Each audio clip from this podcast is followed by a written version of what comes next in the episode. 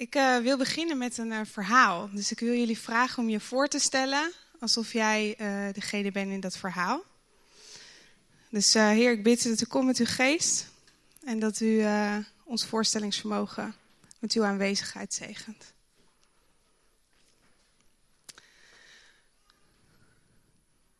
Jullie stappen een vliegtuig uit, de hitte in, op reis. We zijn geland in Egypte en je loopt de trappen af van het vliegveld, vliegtuig. De hitte slaat je tegemoet en de zon schijnt op je hoofd. Vanuit een wolkeloze blauwe hemel. Het is drukkend heet en je sjouwt je bagage mee. Op zoek naar de transfer richting het vliegveld. Waar je de route naar je hotel gaat vinden. Eindelijk aangekomen in je hotel is het al later en pak je gauw je bagage uit. En uit het raam kijkend overzie je de stad. Wat een drukte, wat een beweging. Je besluit rust te nemen en vroeg te gaan slapen. Want morgenochtend is het al zover. Je gaat met een groep reizigers mee op een reis de woestijn in. Op avontuur naar een prachtige bestemming. Tenminste, dat is je verteld.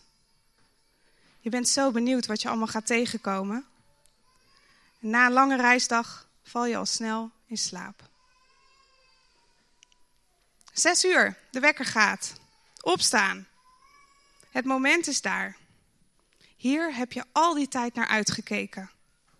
Je gaat op avontuur naar vele onbekende plekken.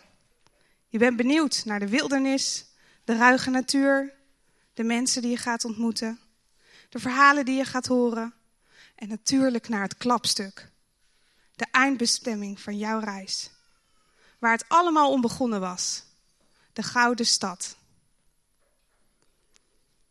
Vlug pak je je backpack, je hoed, de belangrijkste spullen. Alleen het hoogst noodzakelijke draag je mee. Want de reis wordt al zwaar genoeg, staat in de brochure. Op de plaats van vertrek tref je voor het eerst je reisgenoten. Wat grappig, denk je nog bij jezelf. Oude en jonge mensen staan klaar, uit verschillende landen. Wat een divers gezelschap. Gelukkig kom je er al snel achter dat jullie allemaal wel dezelfde taal spreken. Ook al hoor je bij sommigen een dialect. Een paar mensen staan opgewonden te kakelen en anderen kijken afwachtend naar de bus en het reisgezelschap. Tijd om te gaan. De reisleider roept iedereen bij elkaar en geeft wat korte instructies. Niet iedereen lijkt het te horen, maar als hij gaat lopen, komt de groep in beweging. Samen trekken jullie de woestijn in. Gelukkig zijn er ook begeleiders mee, die op meldieren de tenten hebben gebonden. Hoe zou het slapen daarin zijn? Na drie uur lopen krijg je behoefte aan rust. In de verte zie je een stenen ronding. Een deel van de groep loopt erheen. Het blijkt een waterput te zijn. Er staan en zitten wat mensen omheen. Je hoort ze zuchten en mopperen. Je verstaat niet alles, maar je ziet wel dat ze het hete klimaat niet kunnen waarderen. Iemand uit je groep vraagt of ze water kunnen putten. En een van de omstanders begint de zak naar beneden te takelen. En langzaam weer omhoog. Hij biedt het drinken aan en jij staat erbij en kijkt ernaar. Zie je jezelf staan? Inge hier naast me die was erbij en ze heeft een glaasje meegenomen. Wil er iemand proeven? Wie wil? Kijk er eens in.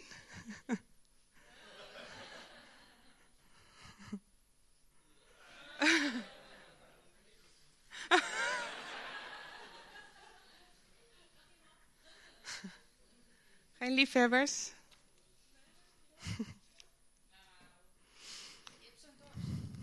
Bah! bah! De drinker spuugt het water uit. Wat is dit? Dit is bitter. En als je goed kijkt, ook vuil. Wat goor. Helemaal niet de verfrissing waar jullie op hoopten.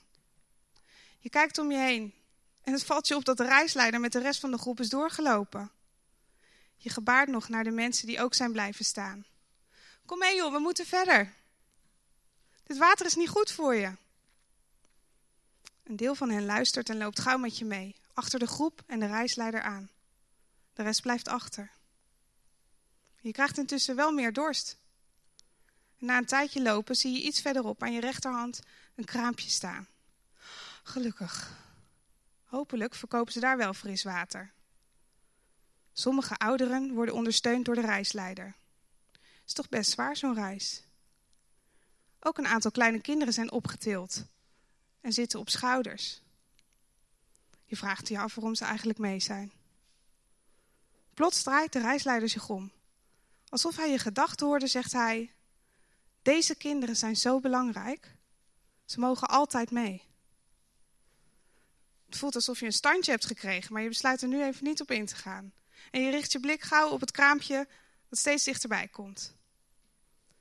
Je loopt wat harder, alvast vooruit en bekijkt wat ze allemaal verkopen.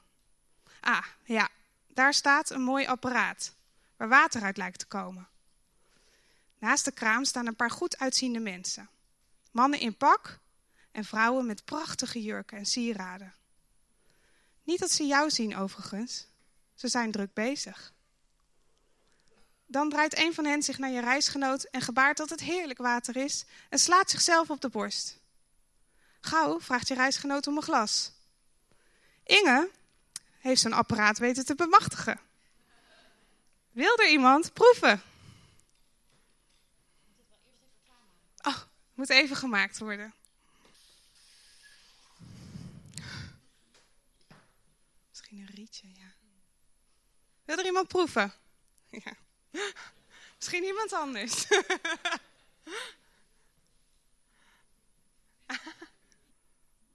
Ja?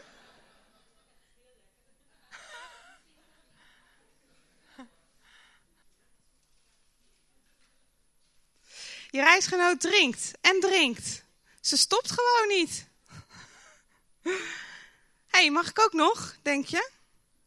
Maar voordat je het uitspreekt, zie je dat je reisgenoot wat opgeblazener raakt. Ik voel me zo opgeblazen, zegt ze. Ik blijf lekker hier hangen. Ik wil meer. En ik heb dat ook verdiend, zegt je reisgenoot. Verdiend? Hoe bedoel je? vraag je nog. Nou, ik heb zo mijn best gedaan. Ik heb dit als eerste gevonden en ik heb er recht op na alle moeite. Je kijkt om je heen en je vraagt je af wat hier gebeurt. En op dat moment zie je dat de groep met de reisleider al een stuk verderop is. De reisleider wenkt je om ook mee te gaan. En gauw kies je ervoor de groep achterna te gaan. Eenmaal ingehaald snak je inmiddels naar drinken. Je voelt dat je voeten vermoeid zijn en vindt deze reis best pittig. Nog een uur gaat voorbij. En dan zie je de reisleider zich omdraaien. Hij roept: We zijn bij een bron, jongens, kom gauw. En daar, nog voor de voorhoede, bevindt zich een oase. Een sprankelende rivier. Je begint te rennen. Je ziet de reisleider al knielen bij de rivier. Hij schept wat water in een kommetje en geeft het aan jou. Oh, lekker, verfrissend. En al drinkend voel je dat je lichaam weer op krachten komt. Inge heeft dat meegenomen. Wie lust er wat?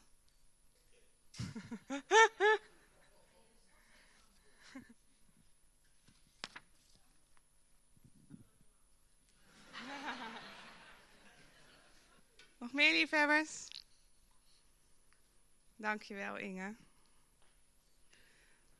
Zijn er mensen of tieners of kinderen die graag mee willen schrijven om zich te concentreren? Kan je het hier ophalen? Te ere? Nee? Ik heb jullie net een gelijkenis verteld. Want jullie zijn niet echt op reis geweest net.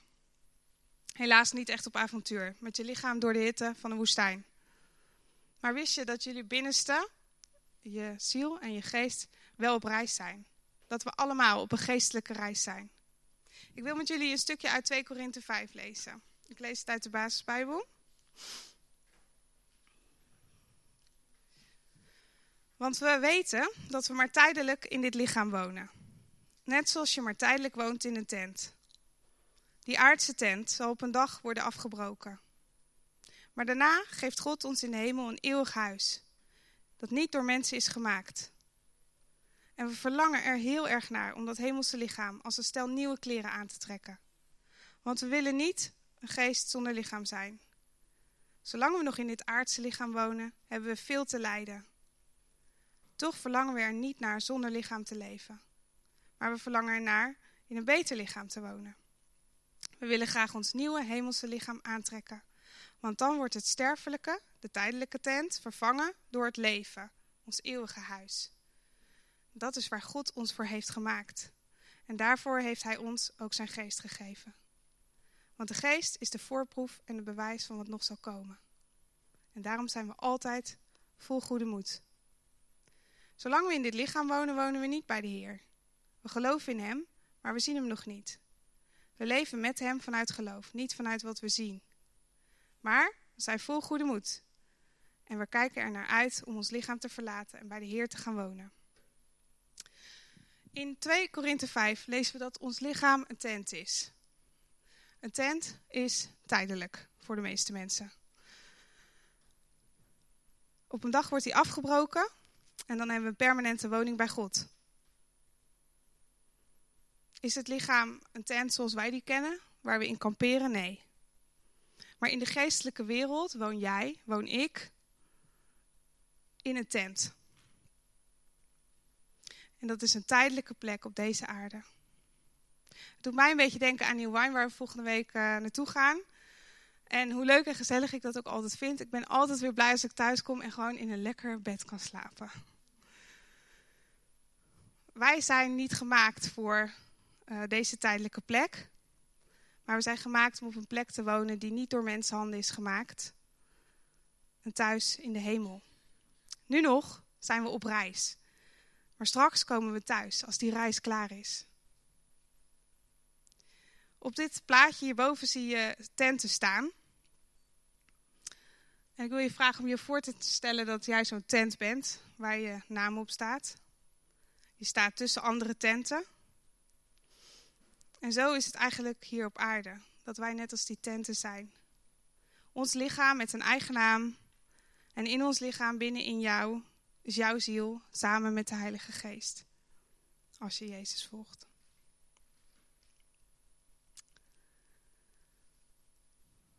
God heeft ons al heel veel laten zien over het einde van onze reis, onze bestemming. In de Bijbel kan je daarover lezen. Het is een eeuwig thuis, zonder oorlog, zonder pijn, zonder verdriet, zonder armoede en zonder duisternis. In het laatste boek van de Bijbel staat erover dat er een stad met gouden straten uit de hemel zal neerdalen. En dat God daar woont in het midden. En hij verlicht de stad en de poort is altijd open. Geloven in Jezus is zeker weten dat dat voor jou is, dat jij daar naartoe gaat. Dus hier op, ons, op aarde is onze tijdelijke plek, waar we wonen in een tent. En we zijn onderweg naar ons eeuwige thuis, bij God. Dus eigenlijk is deze aarde een plek waar wij op doorreis zijn. En die reis door de wereld heen is niet altijd makkelijk. Hier op aarde heb je nog te maken met tegenslag. Of zoals in de brief aan Korinthe staat, wat we net lazen, we hebben hier nog veel te lijden. Hier ben je nog verdrietig of zijn er mensen ziek. Misschien word je wel gepest. Of voel je druk of ben je gestrest. Of moe van alles wat je moet doen of uitgeput zelfs. Of misschien baal je wel van de dingen die verkeerd gingen. Of voel je je vies door de dingen die je hebt gezegd in een vlaag van boosheid. Maar gelukkig zijn we samen op reis. En kunnen we elkaar helpen herinneren aan onze bestemming. Net zoals we eigenlijk net bij het avondmaal deden. Dus naast dat we samen op reis zijn en dat we zicht hebben op onze bestemming, is er nog meer wat ons door deze reis heen helpt. Want God heeft gezorgd voor voorziening onderweg. En dat is water. Want Jezus wist dat het soms moeilijk voor ons zou zijn op deze reis. En weet je wat hij zei? Hij zei: Kom maar bij mij drinken. In Johannes 7 kan je daarover lezen. Hij zegt: op de laatste grootste geweldige dag van het festival. Ze waren daar op een festival. Jezus stond op en hij schreeuwde uit: Als er iemand dorstig is, laat hem, laat haar dan steeds naar mij komen om te drinken. De moeilijkheden die wij onderweg tegenkomen, verdriet, ziekte, vermoeidheid, belasting, zou je ook wel dorst kunnen noemen. Jezus wist dat en hij zorgde voor voorziening. En hij nodigt ons uit om steeds bij hem te komen om te drinken. We weten allemaal dat als je niet drinkt, dat je dan doodgaat. Is er iemand die weet hoe lang je zonder drinken kan? Anna? Ja. Je lichaam kan ongeveer drie dagen zonder drinken en dan raak je uitgeput. Dan droog je uit en uiteindelijk houdt je lichaam ermee op. Want je voert je afvalstoffen niet af. Dus eigenlijk vergiftig je dan je eigen lichaam. En zo is het ook met ons binnenste als we geen drinken krijgen. Als je binnenste geen drinken krijgt, raak je uitgeput in geestelijke of emotionele zin. Dus jouw binnenste heeft behoefte aan drinken. Sterker nog, het zal gewoon gaan drinken als die behoefte er heel erg is uit de bron die aangeboden wordt. Maar de vraag is, is elke bron verfrissend? Lest elke bron jouw dorst? Er zijn verschillende bronnen waar je uit kan drinken. Of in andere woorden, waarmee je kan voeden of waar je je dorst mee kan lessen. Ehm, de eerste bron is de bron van de vijand. De tweede, die van je eigen ik. En de derde, die van God. We zijn al langer bezig met het onderwerp mindset. Bram heeft er een aantal keer over gesproken. En daarin heeft hij, in dat plaatje zie je dat ook, laten zien hoe belangrijk je gedachten zijn. Want dat leidt tot je gedrag, de dingen die je zegt. En vandaag wil ik eigenlijk met jullie kijken uh, waar je gedachten mee gevoed worden. Wat is nou de bron van onze gedachten?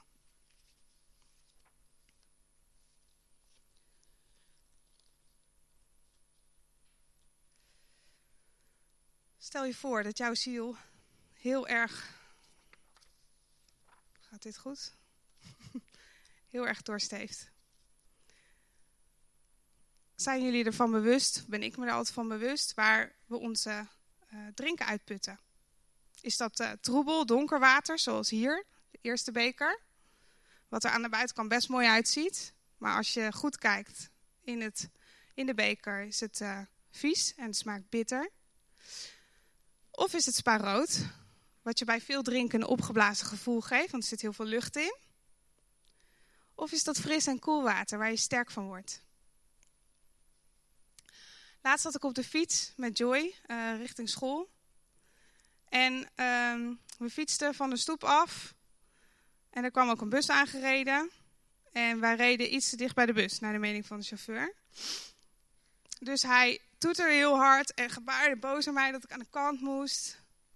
Dus um, ik ook gelijk in mijn...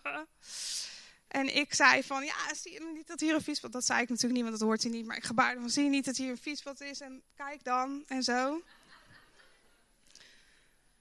En daar werd hij weer zo boos van dat hij de bus aan de kant zette en begon te schreeuwen tegen ons.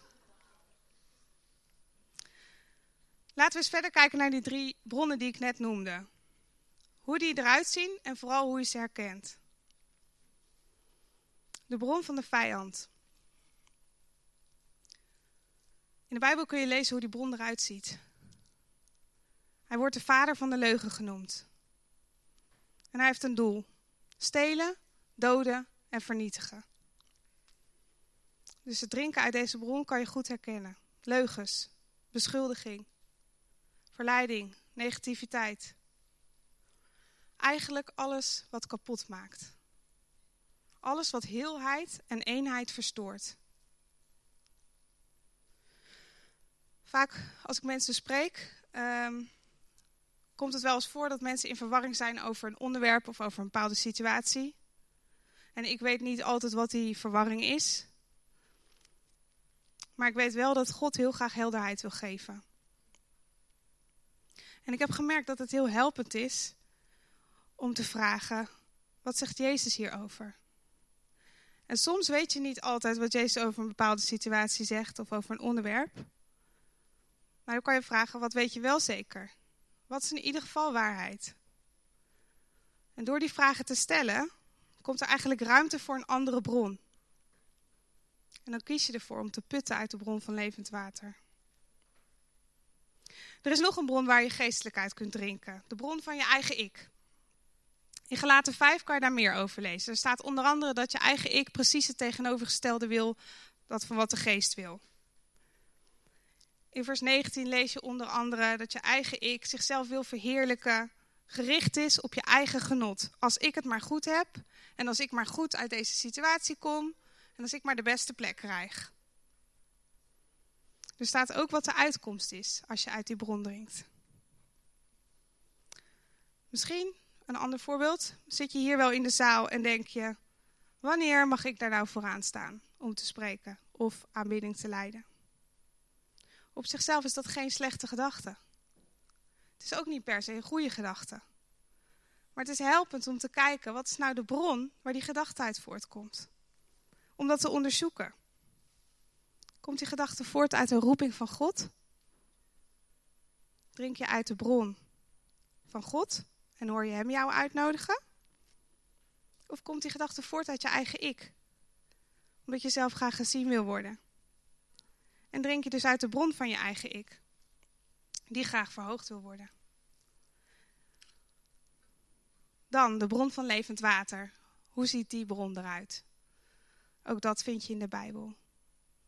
Liefde. Bijvoorbeeld in 1 Johannes 4, vers 8, waar staat: God is liefde. Het water wat je uit die bron put, is de Heilige Geest. En die kan je goed herkennen. Ook dat zie je in de Bijbel. Liefde, blijdschap, vrede, goedheid, trouw, zelfbeheersing. In 1 Korinthe 15 staat ook uitgelegd hoe dat eruit ziet. Liefde is geduld, bijvoorbeeld. Als ik mijn reactie in mijn voorbeeld zo net naast deze bron leg, lijk ik dan in mijn reactie naar de buschauffeur te putten uit die bron? Zien jullie in mijn voorbeeld levend water stromen?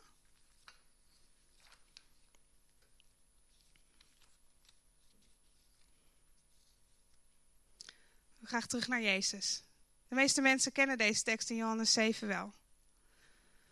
Maar vaak als je iets in de Bijbel leest, dan maken de namen die erin staan en de context eromheen nog meer duidelijk. Waarom zegt Jezus dit juist daar, op een festival? Hij schreeuwt het op een festival.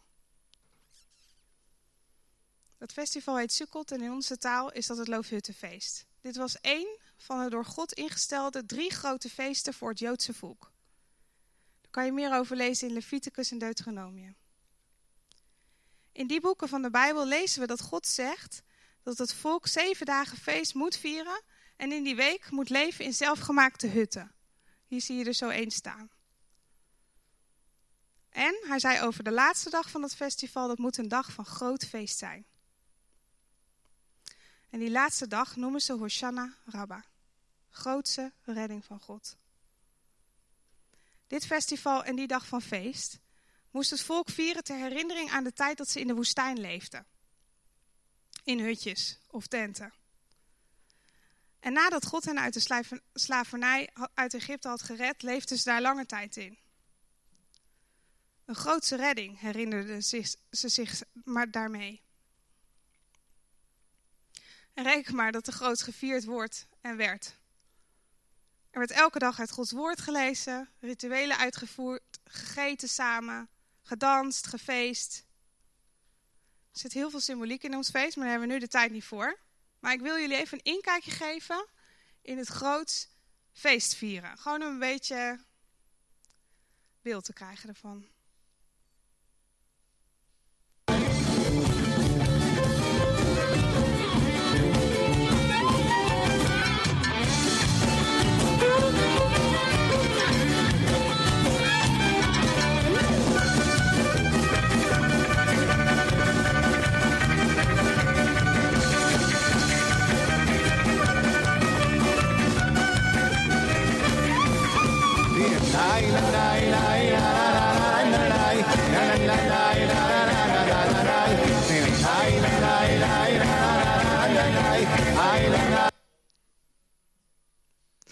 Iedereen gaat los.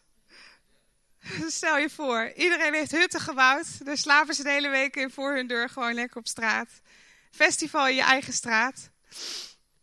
En ze vieren feest zoals je in het filmpje zag. Op andere filmpjes zie je trouwens ook vrouwen erbij. Dat was in dit geval niet, maar ik vond deze gewoon heel grappig.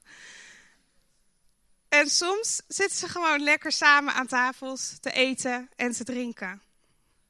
En op zo'n moment aan tafel, op de laatste dag, de belangrijkste dag van het feest, staat Jezus op en schreeuwt: Als er iemand dorstig is, laat hem, laat haar dan steeds naar mij komen en drinken. Wat zegt hij? Reken maar dat er genoeg te drinken was op het feest. Ze hadden in ieder geval geen lichamelijke dorst. Maar Jezus had het niet over de dorst van het lichaam, maar de dorst van binnenin. De dorst in hun binnenste en de dorst in ons binnenste. Ondanks dat we kunnen feestvieren, want ja, we zijn gered, herinnert Jezus ons eraan hoe belangrijk het is te blijven komen voor zijn water.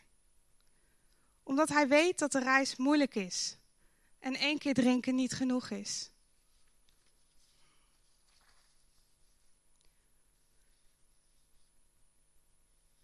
Dit festival, waarin gevierd wordt dat God redt, verwijst ook naar de volkomen redding voor ons. Jezus sterven aan het kruis en zijn opstaan uit de dood. Iedereen die heeft gezegd, dat wil ik ook, ik wil ook gered worden, die heeft zich waarschijnlijk bekeerd. Toegekeerd naar Jezus, de bron. Je bekeert je een eerste keer en dan laat je je dopen. Want dat is het teken dat je opnieuw geboren wordt. In een nieuw leven. En dan? Dan begint eigenlijk je reis pas. Je reis met een bestemming dan.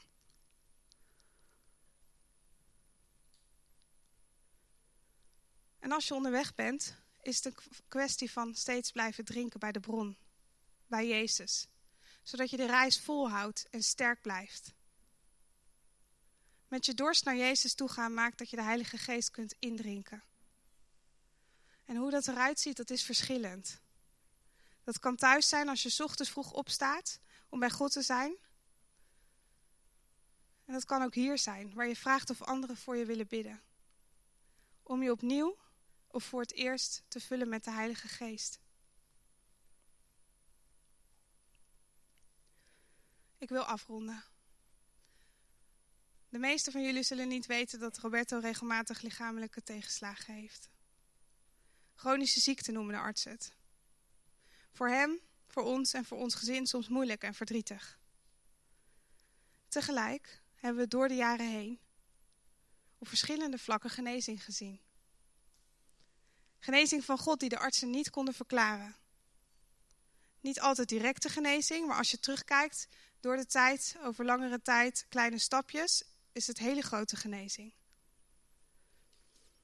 Een week geleden kreeg Roberto, nadat hij met klachten in het ziekenhuis was geweest, weer slecht nieuws van de artsen. En ik was er stuk van. Ik voelde me op dat moment alsof ik in de boksring stond en een uppercut had gekregen die me vloerde. De weken ervoor waren op andere gebieden al niet makkelijk geweest, maar ik was blijven staan. Maar het nieuws op die maandag. S'avonds moesten we samen ergens heen en ik stap bij Roberto in de auto. En ik moest opnieuw erg huilen omdat ik zo verdrietig was erover. Maar wat valt me op? Roberto zit zwijgend naast me en heeft aanbiddingsmuziek opstaan. En ik realiseer me wat een antwoord. Wat een reactie.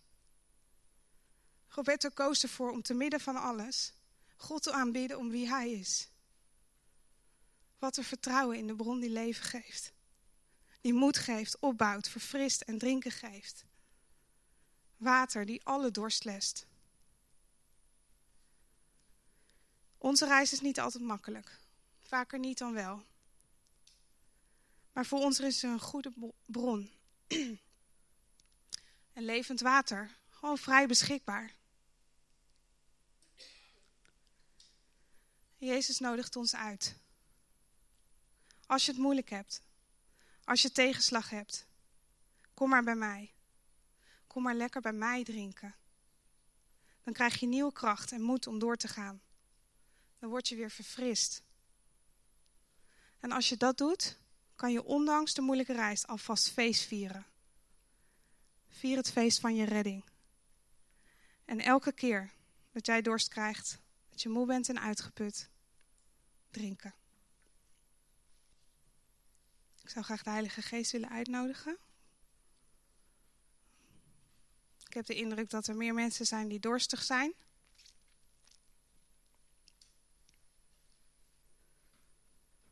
Vandaag kan je veel drinken, is Gods belofte voor jou. Heilige Geest, vul onze dorstige harten. Jezus, we komen bij U. U bent onze bron, die levend water geeft. Heer, waar we hier misschien zitten, dorstig, uitgeput, vermoeid, misschien wel verward, dan bid ik dat U ons weer fris water geeft, Uw geest. En U belooft dat waar wij dat vragen, dat U het altijd zult geven. Als jij heel dorstig bent vandaag, dan kan je komen voor gebed. En ik had ook nog een indruk dat er mensen zijn die misschien zich opnieuw willen of voor het eerst willen bekeren. Omdat ze verlangen naar die bestemming. Dus als je voelt dat Jezus jou uitnodigt om te komen drinken, kan je vandaag hier je hart aan Hem geven.